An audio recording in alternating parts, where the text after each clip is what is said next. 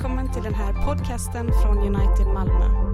För mer information om oss besök www.unitedmalmo.nu och följ oss på Twitter. Låt oss förbli stående medan vi lyssnar till eh, dagens predikotext från första Petrusbrevet kapitel 1 och från vers 1. Från Petrus, Jesu Kristi apostel, till de utvalda som lever kringspridda som främlingar i Pontus, Galatien, Kappadokien, Asien och Betynien. Ni är av Gud, Fadern, förutbestämda till att helgas genom Anden, så att ni lyder och blir bestänkta med Jesu Kristi blod. Må nåd och frid i allt rikligare mått komma er till del. Detta är Guds ord till oss. Amen.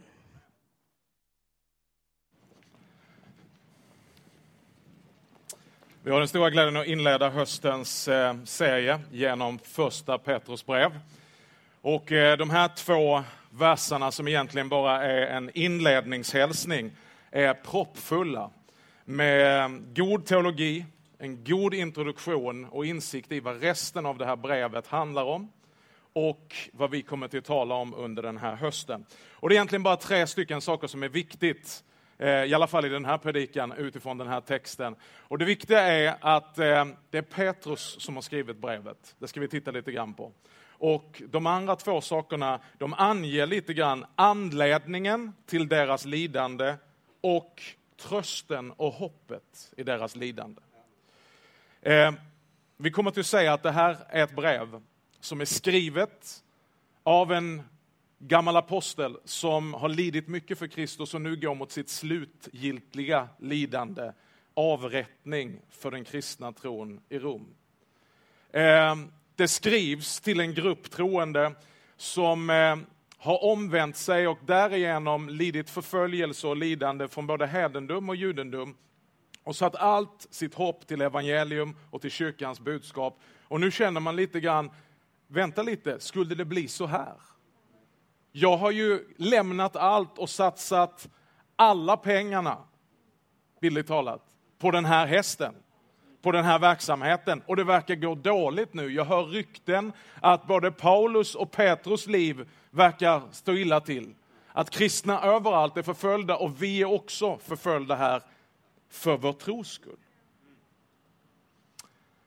Vi får en liten insikt i både anledningen som ligger bakom det som sen kommer att växlas ut under fem kapitel, men också det som är trösten och det som är hoppet. Och jag tror att du kommer att se aktualiteten för även kristna i Sverige idag som riskerar att bli marginaliserade om vi vägrar att assimileras med denna tiden och denna världen. Men det är två stycken ord som vi ska titta på idag som sticker ut utifrån den här texten.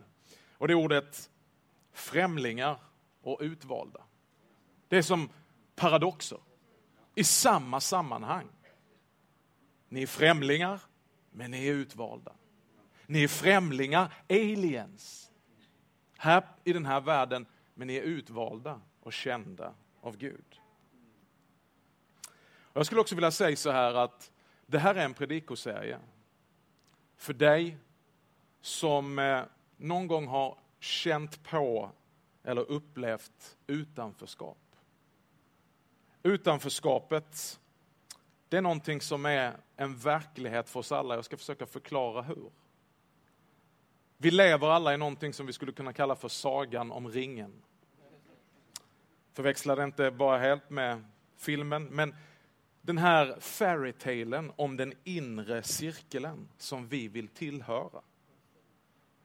Du vet, det finns sådana olika för alla av oss, men du har just nu ögonen på en inre cirkel som du är utanför och som du nästan är beredd att göra vad som helst för att komma innanför. För du är helt övertygad om att där, på insidan i den cirkeln, där finns min validering som människa. Där finns min bekräftelse på att jag har lyckats. Där finns min mening att finna. Där finns min kärlek, min acceptans Någonting som jag kan bara motivera eller rättfärdiga att mitt liv är okej. Okay. När vi talar om rättfärdighet i kyrkan, att Gud har förklarat oss rättfärdiga, så vissa av oss, för det, det betyder ingenting för dig, men det är egentligen bara att få det här okej. Okay. Därför så är det det vi söker förtvivlat. Att bara veta att jag är okej. Okay. Även om du inte är troende så predikar du till dig själv dagligen. Ja, men skärp dig nu mannen, kom igen nu, get a grip. Titta här vad du har, du bor i den här lägenheten, du har de här vännerna, du, du, du kör den där bilen, du har de här skorna. Men, kolla här, du var i New York precis. Du, du är okej okay, Magnus. Alltså, jag, jag, jag, greppar efter saker som liksom, att de här människorna, de, de är ju hyfsat okej okay, och, och, och, de har accepterat mig, då, då måste jag också vara okej. Okay. E, eller? Och var kommer detta ifrån, detta utanförskap? Hela livet handlar om detta. Att förhålla sig till linjer och gränser som anger innanför eller utanför. Det är som vi är tillbaka på skolgården. Man tänker att det där lämnade jag inte det när jag lämnade lågstadiet. Det tragiska är att vi är alla tillbaka där med den där för stora ryggsäcken. Och vi står och spanar.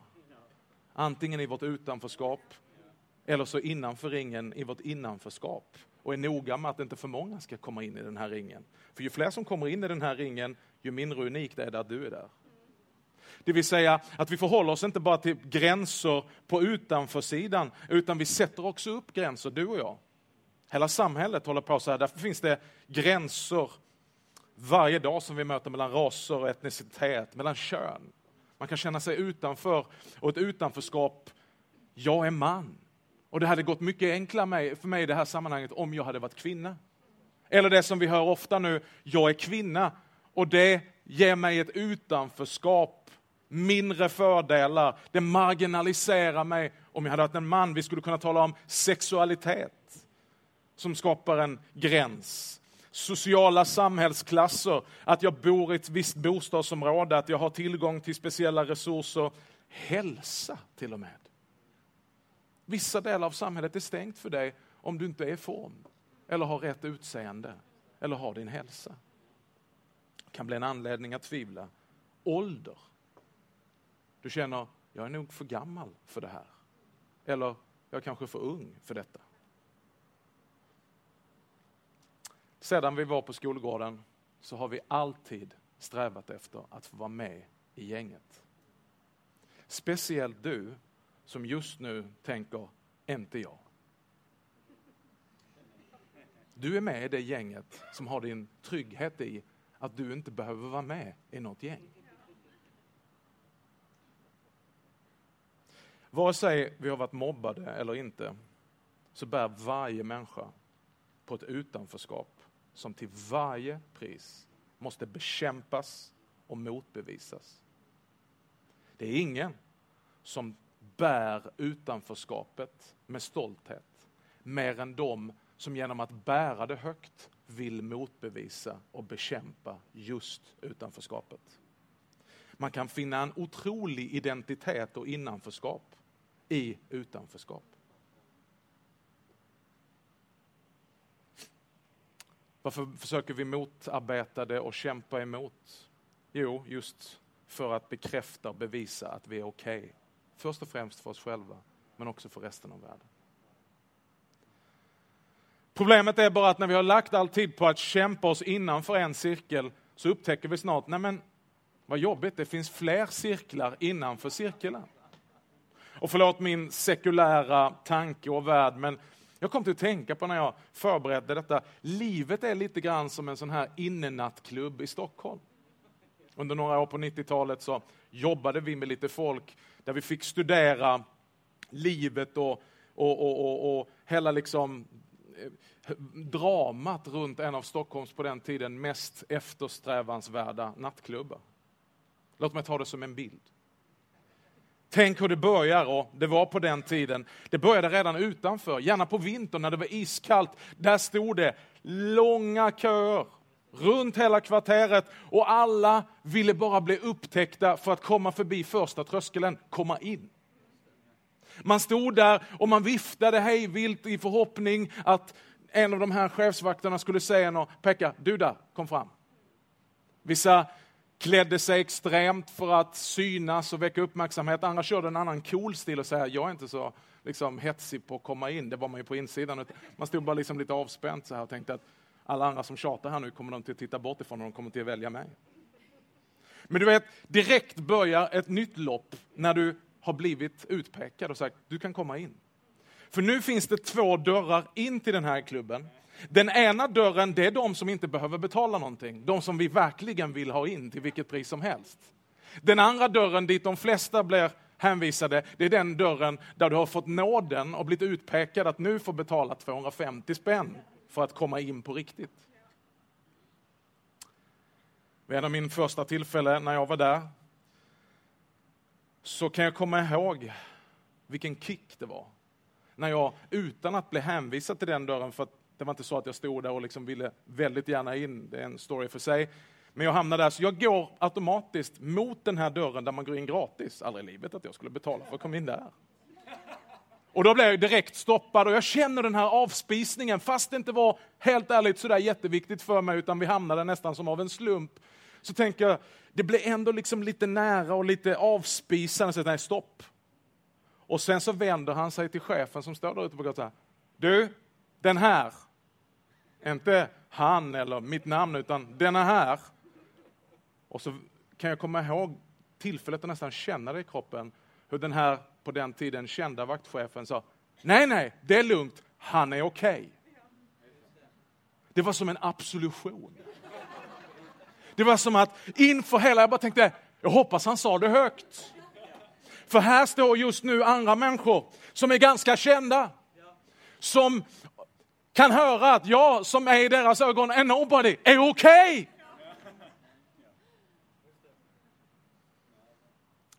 Men jakten var ju inte slut. Det här leder ju bara till en trappa och där man kommer upp och man tror att man är inne tills man inser att är man riktigt inne inne bland de som är inne så finns det ju en avdelning som heter VIP-avdelningen.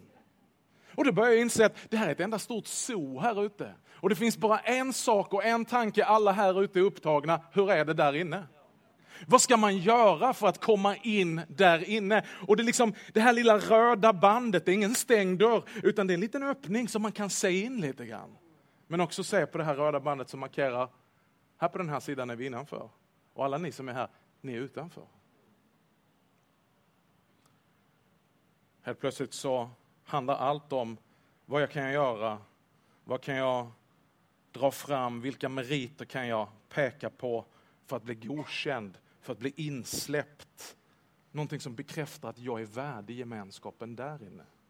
Jag ska inte dra det här för långt, men det är ju faktiskt så att när man väl kommer in där inne så inser man att här finns massvis med olika soffgrupper och sällskap. Men det är liksom ett sällskap som är lite kungligare i ordets rätta bemärkelse än något annat sällskap. Det är den soffan man vill sitta. Det är det sällskapet man vill vara. Och jag märker när jag går runt att de andra talar inte i sina andra sällskap. Alla bara sitter och försöker höra vad de talar om här borta. Och allas våta dröm det är att få bli uppbjuden till det sällskapet. Blir man det, ja, då finns det en ny cirkel. Det finns en person i det här sällskapet som man vill ska skratta åt ens skämt. Det finns en person som hela den här gemenskapen är centrerad runt. Jag tror att du hänger med.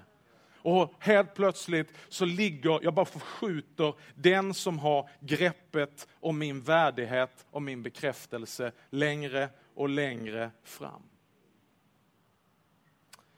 Själva projektet och resan att gå från cirkel till cirkel kan under resans gång te sig tillfredsställande och ge en viss mening.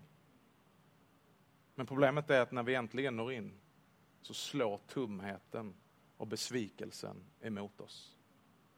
Det fanns ingen frälsning innanför denna cirkel. Utan bara en oändlig massa nya cirklar. Och Det här är naturligtvis en illustration som kanske inte passar alla. Jag skulle kunna lika bra tala om kyrkan. Jag skulle kunna tala om mig själv.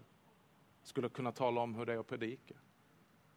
Att först komma innanför den cirkeln, att nu får jag vara här. Men det räcker inte. Utan att hur man kan leva för att det finns bara en människa, om bara hon tycker att predikan är bra. att tränga innanför och göra upp med det här som blir något utanförskap. Då är jag okej. Okay. Då är jag rätt. Då är jag rättfärdig. Och då blir den här personen, det här sammanhanget, din frälsare. Så min första fråga, vem är din frälsare? Vem är det som har ditt okej, okay, din rättfärdighet och ditt värde i sin allsmäktiga hand? Petrus börjar brevet med att säga från Petrus, Jesu Kristi apostel. Det är i hans händer mitt öde vilar. Och nu ska jag ösa ur den erfarenheten jag haft med min vandring med Kristus, säger aposteln. Och därigenom berätta för er hur man hanterar det utanförskap som ska komma, kan komma när man har blivit insläppt i den cirkeln som är den verkliga cirkeln. Och var tryggheten går att finna. För det är så. Utanförskapet kommer inte utifrån att du har varit mobbad. Utanförskapet kommer inte av att du bodde och växte upp i fel bostadsområde. Utanförskapet har funnits hos människan sedan skapelsens morgon. Och sedan vi blev utvisade från Edens lustgård och den cirkeln som vi är skapade av att leva. Det är därför det heter Sagan om ringen. Detta är vår saga, hur vi ska kunna ta oss till, tillbaka till den platsen, kalla det vipprummet, kalla det vad du vill, men där vi hör hemma. Men som vi vet att vi med rätta är utvisade ifrån. Gemenskapen med Gud. Och sedan den morgonen så är historien fylld av en enda lång berättelse om hur vi som människor försöker komma hem. Försöker bli inneslutna igen, försöker bli bekräftade igen, försöker bli okejade att bli förklarade rättfärdiga, rättfärdiga, att hitta en anledning hur hela livets ursprung, Gud själv skulle säga, du är okej, okay, välkommen in.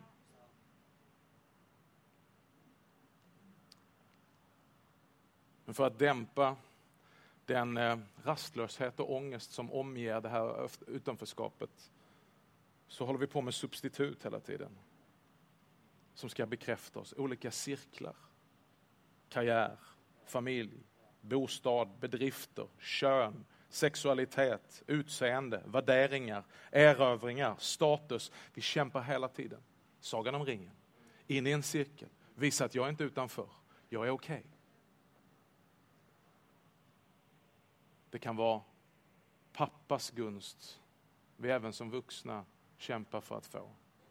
Så det kvittar om hela världen tycker vi är okej. Okay. Det enda som är viktigt är att pappa säger du är okej. Okay. Det kan vara chefen, det kan vara pastorn i en kyrka. Det kan vara grannen, vännen, gänget. Det kan vara att komma på den festen, få vara med och umgås i det sällskapet. Vi har alltså hela tiden behov av att ta oss in i de här cirklarna. Och vi förstår att vi är kvar på skolgården.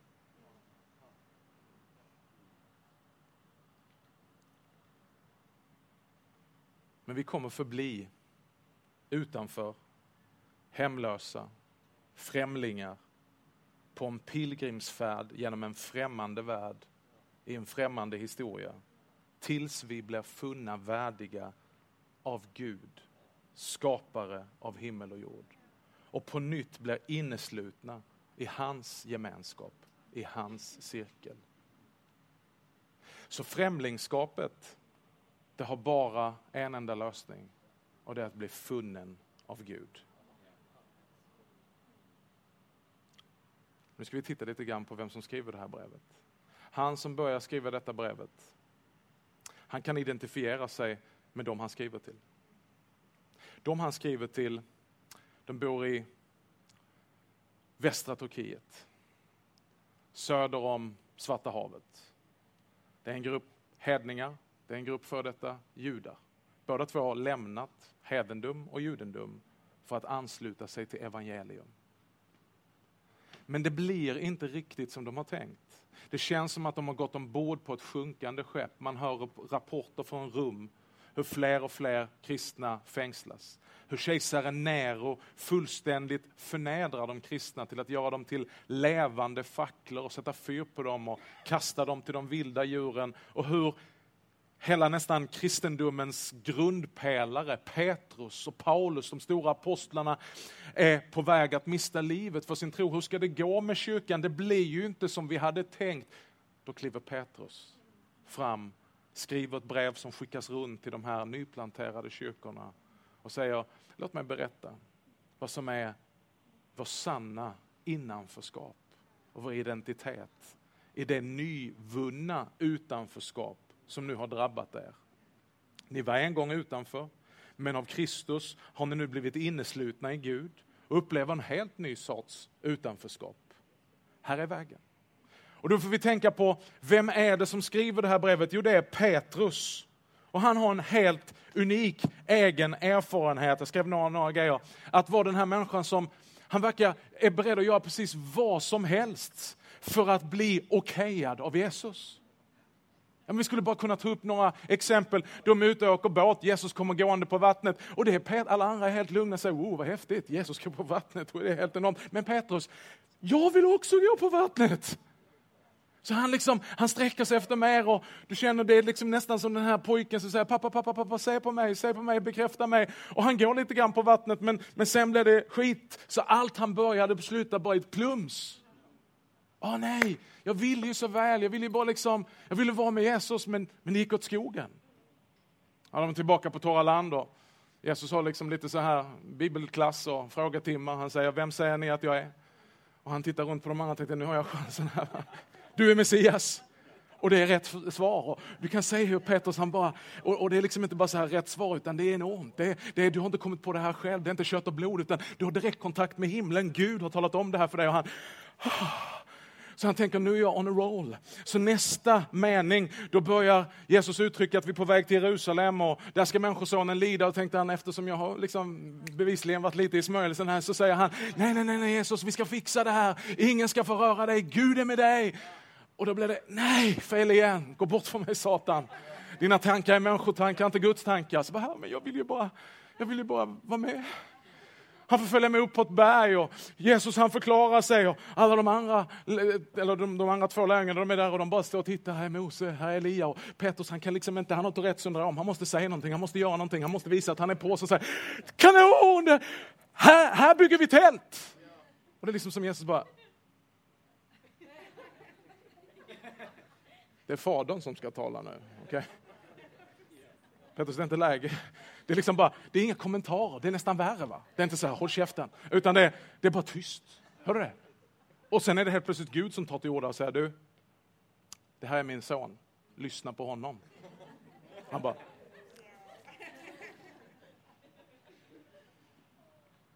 Jesus sitter och, sista kvällen innan hans lidande, han, han böjer sig ner och han tvättar lärjungarnas fötter.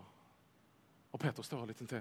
Det här är ju en slavgöra som inte ens en judisk slav får göra, utan man måste ta in speciella hedniska slavar som gör denna vidriga uppgift. Tvätta såriga, variga fötter. Så han tänker, alla går bara fram vänligt och sträcker fram sin fossing. Liksom. Han vill ju bara visa att han, jag vill så gärna vara med. Så han säger så här, aldrig i livet, aldrig i livet, säger han. Inte att du ska tvätta mina fötter. Och det är som Jesus ska, here we go again. Och det är som Jesus då i sista stund är lite så här, Petrus. Om jag inte får tvätta dina fötter så har du ingen del i mig. Och då slår vi över till andra hållet. Tvätta hela mig. Jag måste, alltså, jag måste bara visa att jag är på, på vägen ut. Så berättar Jesus om hans lidande och då deklarerar Petrus, om så alla andra lämnar dig, jag ska vara med dig to the bitter end. Jag ska dö med dig. Kan du känna lite grann på det här? Han har kämpat så mycket för att bli inkluderad. Och han har kämpat så mycket för att Jesus ska bli populär nu. Det här ska bli det nya liksom. Israel ska upprättas. Så nu går han där, kanske med en viss klump i magen, men ändå tänker att det kommer gå bra det här. Alltså. Jesus for president, liksom. det kommer bli väckelse nu. Nu kommer hela Israel upprättas och kanske jag får vara med på ett hörn. Det kommer bli bra. Tills de inser att de är där för att fångata Jesus. Jesus går mot sitt öde och det blir inte som Petrus har tänkt. Han har kämpat i tre år för att bara fånga Jesu intresse och försöka bevisa att jag är värdig. Och nu har det inte blivit som han har tänkt. Nu är det lidande. Och nu helt plötsligt så har han hamnat utanför för att han har kommit med innanför. Så då står han där vid elden och får frågan, är inte du en av dem? Nej, jag svär, jag känner honom inte. Och han går bitter bort. Detta har Petrus i ryggen. Nu är han gammal. Han har fått vara med om en upprättelse som vi ska titta på. Och han säger nu med sitt brev, jag har gått den vandringen ni nu går. Jag har fått känna på det lidandet det är. Att först bara kämpa för att försöka i sig själv bli okejad. Till jag kom till slutet av sig själv och insåg ju mer jag kämpar ju mer bara pajar jag det. Så jag bara kom till slutet och sa att det är kört för mig. Jag drar fiskar. Ni är där nu vid den punkten.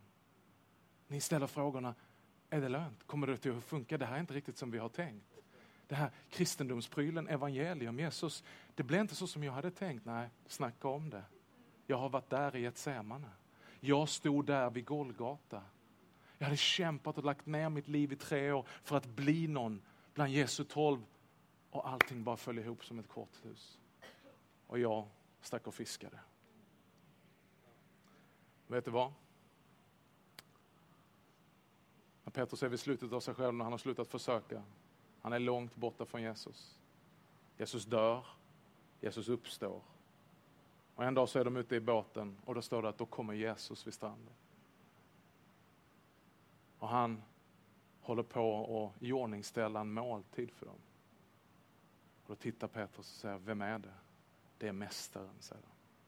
Då hoppar han över bord och han springer i vattnet fram. Och vet du vad? Jesus möter honom där vid måltiden och säger att sluta försöka. Utan du är inkluderad. Och då ska vi titta vad det står i det här bibelordet. Vad säger han? Det är inget bibelord. Nästa. Han slår fast att detta är grunden. Ni är av Gud Fadern förutbestämda, de utvalda.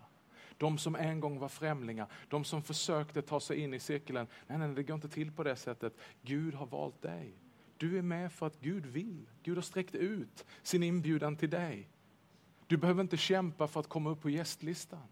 Du behöver inte visa ditt intresse och säga det, det gäller att ligga på här nu så att folk säger att man är intresserad av jobbet. Alltså, det gäller att skjuta fram och liksom ringa lite då och nu och säga så, så, några nyheter. Jag vill bara säga att vi fortfarande är intresserade här och söka på. Utan det är Gud som skickar genom förkunnelsen idag och säger du som hör den här predikan, du är utvald av Gud, du är förutbestämd långt innan någonting hände. Långt innan någon av dina misstag skedde så sa Gud dig, jag vill ha dig långt innan jordens grund var lagd. Det vill säga ingenting som har hänt i ditt liv på någon skolgård innanför eller utanför någon cirkel kan avgöra detta, utan långt innan så sa han, jag har valt dig. Och det är precis det han sa till sina lärjungar, han sa till Petrus, Petrus, det är inte ni som har valt mig, det är jag som har valt er. Hur kommer man in då? Jo, på grund av inte egna meriter, utan på grund av Jesu död. Hans blod. Att han har tagit straffet, han har tagit den utvisningen och den domen på sig som utestängde oss ur Edens lustgård. Och därför så är det han som har öppnat vägen in igen på grund av hans offer. Inte mina offer, inte mina meriter. Säga, ah, men du, du, jag borde släppa, bli insläppt nu. Alltså. Och det är på grund av anden som helgar oss så att vi lyder. Inte på grund av att vi lyder. Inte på grund av att säga, ja men kolla här nu, jag har ju fixat till mitt liv, visst borde jag kvala in nu? Nej, det är ju det Petrus har försökt hela tiden. Han försöker ju vara rätt, han försöker ju liksom visa, medan Johannes talar om lärjungen som Jesus älskade, så försöker Petrus pusha lärjungen som älskar Jesus. Man behöver bli grundad i att, nej det är inte din lydnad. Det är inte dina försök. Utan allt kommer av Gud som ett har utvalt oss. Som två i sin son har dött och betalt priset för oss. Och som tre genom sin ande fixar helgelsen i oss. Så att vi blir mer och mer sådana som vi var tänkt att vara. Detta är vår trygghet. Även när vi för trons skull upplever lidande och utanförskap så är det inte den cirkeln som vi är innanför eller utanför just nu som bestämmer hur värdiga vi är. Utan det är att vi har befunnits värdiga, blivit utvalda och kallade att få komma in i cirklarnas cirkel. Treenighetens gemenskap. Gud, Fadern, har utvalt oss. Sonen har dött för oss och Anden håller på att helga oss så att vi blir mer sådana som Gud har tänkt att vi ska vara. Detta är tröstens budskap. För när man befinner sig där Petrus befann sig, när man befinner sig var den här kyrkan befann sig, som vi söndag efter söndag ska gå in och titta i, vad innebär livet som en alien, som en främling? Under förföljelse, under lidande, så är det lätt att tänka, för det första, att om jag är förföljd och förkastad av världen, så kan jag lätt tänka att jag är förkastad av Gud. För skulle jag vara accepterad av Gud, då borde det vara framgång. Då borde det gå bra, men vad är det jag hör nu? Det går dåligt i Rum, det går dåligt för de här andra församlingarna, folk dör för sin tro. Kan verkligen Gud vara med om detta sker? Det är lätt att tänka för det andra att evangeliet det lovar favör och inte problem. Att det lovar välsignelse och inte lidande. Och hur många gånger har inte du tänkt den att när saker och ting kontinuerligt går dåligt för dig, du får inte jobbet du sökte, eh, ingenting eh, flyter din väg, eh, du får sjukdom, eh, alla andra runt omkring dig blir välsignade men inte du, utan det är inte bara att välsignelsen uteblir utan det är som förbannelsen förföljer dig. Du är marginaliserad och allt du vill det är att följa Kristus. Till slut sätter du ner och säger, Gud du måste ha lämnat mig. För att om du var med mig, då skulle det bara regna välsignelse. Och för det tredje, det är lätt att tänka i det här läget, det Petrus hade erfarenhet av. Vad händer? Om man på grund av ett, man är förföljd. Två, man får utstå lidande. Och tre, på grund av det så duckar man under och säger jag orkar inte med det här främlingskapet och den här förföljelsen, utan det leder till att jag förnekar. Då måste det väl i alla fall vara definitivt att Gud har tagit sin hand bort ifrån en. Står det inte det i Bibeln att Jesus säger det att den som förnekar Människosonen, honom ska Människosonen förneka inför Fadern. Står det inte det? Ja, men då är ju kört för mig. Kära vän, jag tror att du sitter här som befinner dig i någon av de här situationerna. Tillsammans med kyrkorna i mindre Asien, nuvarande Turkiet. Där de sitter och säger, är det lönt att fortsätta? Alla tecken som jag väntar på, de har varit borta och det har lett till att jag förnekar. Men då är inte vår tro vilar inte på att vi håller förtrycket. Utan den fördömelse som med rätta skulle drabba den som förnekar Jesus Kristus, den tog han på sig. Han stod i ditt ställe. Och när du har gått bitter bort och känner bara det är inte lönt, så kommer Jesus efter dig och säger välkommen till bords. Och därför ska vi fira nattvard. Där du kan komma och lägga fram det här inför Jesus Kristus. Och han säger tag och ät. Dina synder är dig förlåtna. Din frälsning vilar inte på din insats eller dina misstag. Utan att min fader i himlen har utvalt dig och sagt, han är okej. Okay. Kom in i cirkeln. Men du vet ju att du inte är okej. Okay. Hur kan han utvalja mig? För det andra på grund av sin son.